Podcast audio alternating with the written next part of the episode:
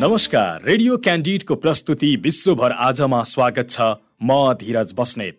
विश्वभर आज radio Candid ninety two point seven megahertz radio क्यान्डिडको आधिकारिक फेसबुक पेज र पोडकास्टमा समेत सुन्न सक्नुहुन्छ।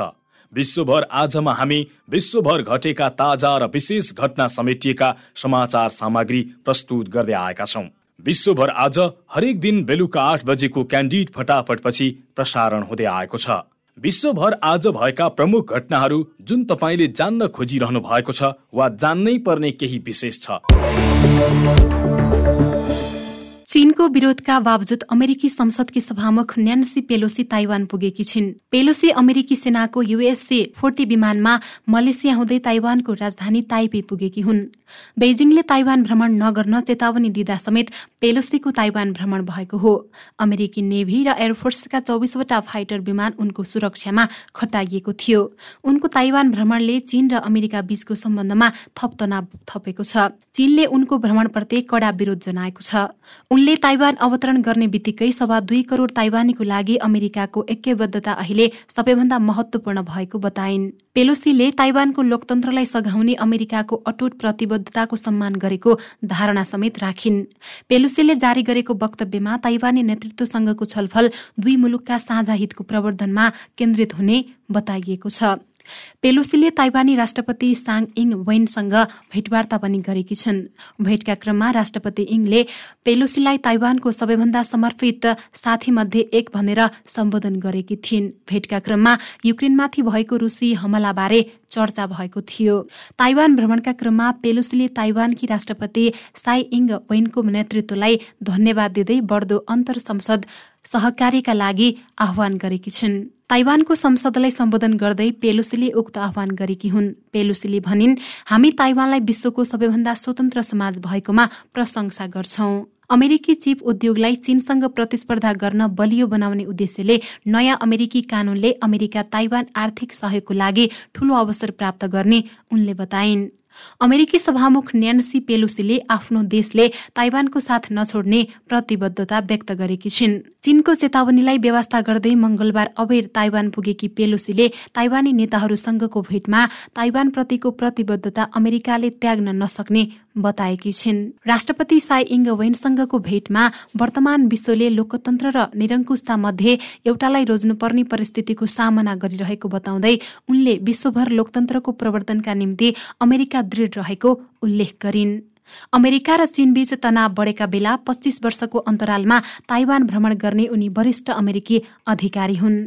कम्युनिष्ट शासित चीनले ताइवानी भूमिमाथि आफ्नो सार्वभौमिकता दावी गर्दै आएको छ भने आवश्यक परेमा बल प्रयोग गरेर उक्त टापुलाई पुनः कब्जा गर्न सक्ने बताउँदै आएको छ। राष्ट्रपति वेनले युक्रेनमा रुसी आक्रमणले ताइवान स्ट्रेटको सुरक्षालाई विश्वभरको ध्यान केन्द्रित गरेको बताइन्। लोकतान्त्रिक ताइवान विरुद्धको अतिक्रमणले सम्पूर्ण इन्डो पेसिफिकको सुरक्षामा ठूलो प्रभाव पार्नेछ उनले भनिन्। यता ताइवानकी राष्ट्रपति साई इङ वेनले आफ्नो अडानबाट कहिल्यै पछाडि नहट्ने प्रतिबद्धता दोहोर्याएकी छिन्।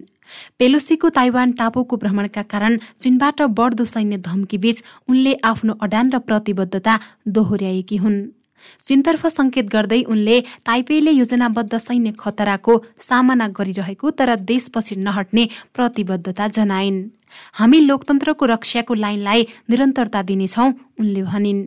उनले महत्वपूर्ण घडीमा ताइवानको लागि आफ्नो कट्टर समर्थन देखाउन ठोस कार्य चालेकोमा पेलोसीलाई धन्यवाद दिइन्। साई इङ वेन सन् दुई हजार सोह्रमा ताइवानको पहिलो महिला राष्ट्रपति बनेर इतिहास रचेकी थिइन्। उनले आफ्नो कार्यकालमा ताइवानमा समलिङ्गी विवाहलाई कानूनी मान्यता दिएकी छिन्। जारी क्षेत्रीय विवादमा चीनको विरुद्धमा दृढताका साथ उभिएकी उनी सन् दुई हजार बिसमा दोस्रो कार्यकालको लागि निर्वाचित भएकी थिइन्। ताइवानलाई चीनले आफ्नो महत्वपूर्ण हिस्साको रूपमा हेर्दै आएको छ जसलाई ताइपेले अस्वीकार गर्दै आएको छ। पेलुसीको ताइवान भ्रमणलाई लिएर कूटनीतिक विवाद बढेको छ। पेलुसीको भ्रमणको विरोधमा चीनले अमेरिकी राजदूतलाई बोलाएको छ। चिनिया सरकारी समाचार माध्यम सिन्हाका अनुसार अमेरिकी राजदूत निकोलस बन्नसँगको कुराकानीको क्रममा उप विदेश मन्त्री झी फेङले पेलोसीको भ्रमणको कडा विरोध गरेका थिए। यो कदम प्रकृतिमा अत्यन्तै डरलाग्दो छ र परिणामहरू अत्यन्त गम्भीर छन् उनले भनेका छन्। अमेरिकाले आफ्नो गल्तीको मूल्य आफै तिर्ने र वासिङटनलाई तत्काल आफ्ना गल्तीहरूलाई सम्बोधन गर्न उनले चेतावनी दिएको सिन्हाले जनाएको छ। चीनको दक्षिण पूर्वी जियान्सी प्रान्तको एक किन्डर गार्डनमा बुधबार चक्कु प्रहार हुँदा तीनजनाको मृत्यु भएको छ अन्य छजना घाइते भएका छन्। स्थानीय समयअनुसार आज बिहान दस बजे एन्फो काउन्टीको निजी किन्डर गार्डनमा उक्त हमला भएको थियो। अडचालिस वर्षीय संदिग्ध फरार रहेका छन्। संदिग्धको तीव्र खोजी भइरहेको प्रहरीले जनाएको छ सार्वजनिक सुरक्षा निकायहरूले संदिग्धलाई खोज्न हरसम्भव प्रयास गरिरहेका छन् प्रहरी विज्ञप्तिमा भनिएको छ।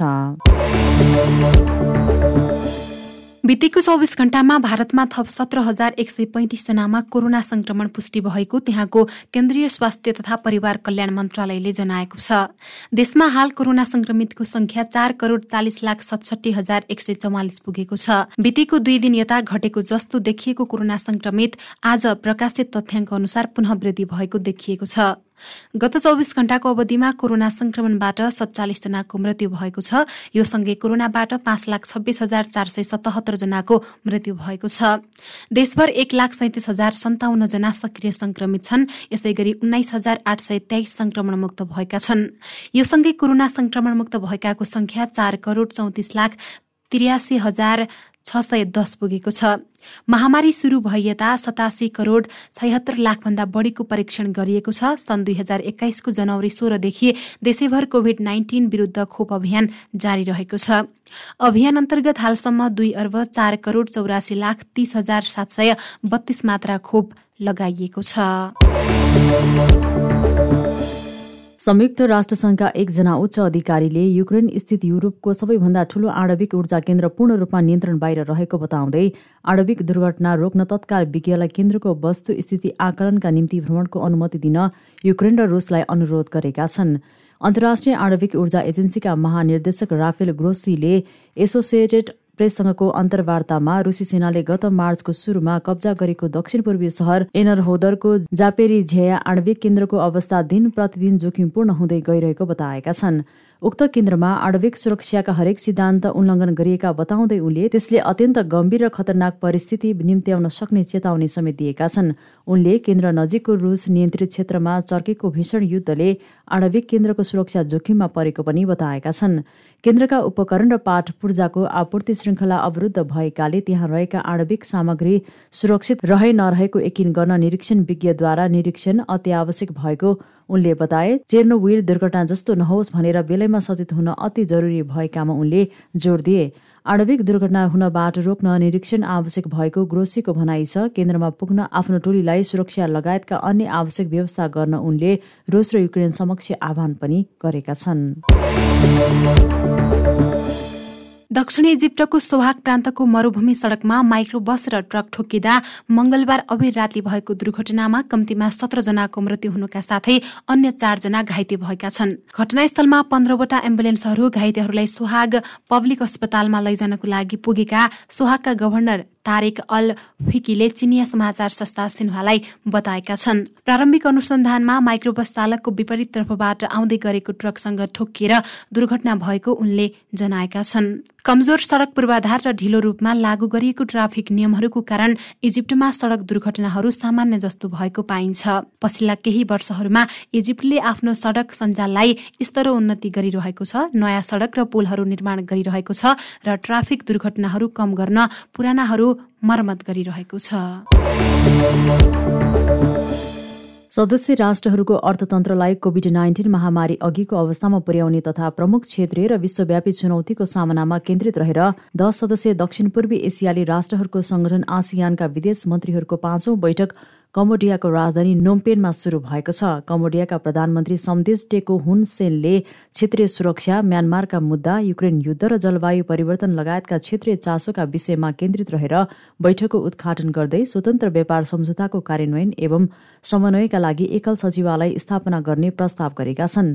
साथै उनले व्यापक क्षेत्रीय आर्थिक साझेदारी आरसिइपीका निम्ति बेग्लै सचिवालय अपरिहार्य भएको बताएका छन्। गत जनवरीमा लागू भएको आरसिपियुको प्रभावकारी कार्यान्वयनमा समन्वय गर्न यथाशक्य चाँडो। एकल सचिवालय स्थापना हुनु आवश्यक भएको बताउँदै उनले कम्बोडियामा उक्त सचिवालय स्थापना गर्न आफू तयार रहेको पनि जानकारी दिएका छन्। आसियानका सदस्य Brunei Cambodia Indonesia Laos Malaysia Myanmar Philippines Singapore Thailand र भियतनाम र तिनका व्यापार साझेदार चीन जापान दक्षिण कोरिया अस्ट्रेलिया र न्युजिल्यान्ड सदस्य रहेको आरसिपिको सचिवालयमा नोम्पेनमा स्थापना गर्न सदस्य राष्ट्रबाट समर्थन प्राप्त हुने उनको विश्वास छ। दीर्घकालीन रूपमा क्षेत्रीय र विश्वव्यापी आर्थिक वृद्धिमा आरसिपिईले नयाँ गति दिने पनि उनले बताएका छन्। कमोडियाले टकराव नभई पारस्परिक एकता र सहयोगका लागि जोड दिएको बताउँदै उनले विभाजनका विषयलाई त्यागेर सहकारी र साझेदारीमा सदस्य देशहरूले आफ्नो ध्यान केन्द्रित गर्नुपर्ने पनि सुझाव दिएका छन्। कमोडियाली प्रधानमन्त्रीले युक्रेन युद्धले गम्भीर आर्थिक अवरोधका साथै खाद्य र ऊर्जा सुरक्षामा आँच पुर्याएको र त्यसले विश्वलाई फेरि एकपटक विभाजनतर्फ धकेलिएकोमा चिन्ता व्यक्त गरेका छन्। र संयुक्त राष्ट्रसङ्घका महासचिव एन्टोनियो गुटरेसले एसियाली मुलुकहरूको भ्रमण गर्ने भएका छन्। महासचिव गुटरेस एसियाली देशहरूको भ्रमणमा जान लागेको उनका प्रवक्ताले बताएका हुन्। महासचिवका प्रवक्ता स्टेफान डुजारिकका अनुसार महासचिव गुटरेस जापान मंगोलिया र दक्षिण कोरियाको भ्रमणमा जान लागेका हुन्। महासचिव गुटरेस बिहिबार जापानको लागि प्रस्थान गर्नेछन्। जापानमा उनी हिरोसीमामा आयोजना हुने शान्ति स्मारक समारोहमा सहभागी हुनेछन्। त्यस अवसरमा उनले सन् उन्नाइस सय पैंतालिसमा भएको हिरोसीमा र नागासाकी हमलाका पीडितहरूसँग पनि भेटघाट गर्ने कार्यक्रम रहेको छ। जापानमा रहँदा उनले त्यहाँका प्रधानमन्त्री फुमियो किसिदाका साथै अन्य विशिष्ट सरकारी अधिकारीहरूसँग पनि भेटवार्ता गर्नेछन्। जापानपछि उनी मङ्गोलिया र त्यसपछि दक्षिण कोरियाको भ्रमणमा जानेछन्। विश्व गतिविधि रेडियो क्यान्डिडको दैनिक प्रस्तुति हो। तपाईँले रेडियो क्यान्डिडको वेबसाइट आधिकारिक फेसबुक पेज र पोडकास्टमा सुन्न सक्नुहुनेछ। सँगै खबर हब डट कममा पनि विश्व गतिविधि पढ्न सक्नुहुनेछ। भोलि फेरि यसै समयमा विश्व गतिविधि बुलेटिन लिएर उपस्थित हुनेछौ। आजलाई भने बिदा दिनुहोस्। नमस्कार।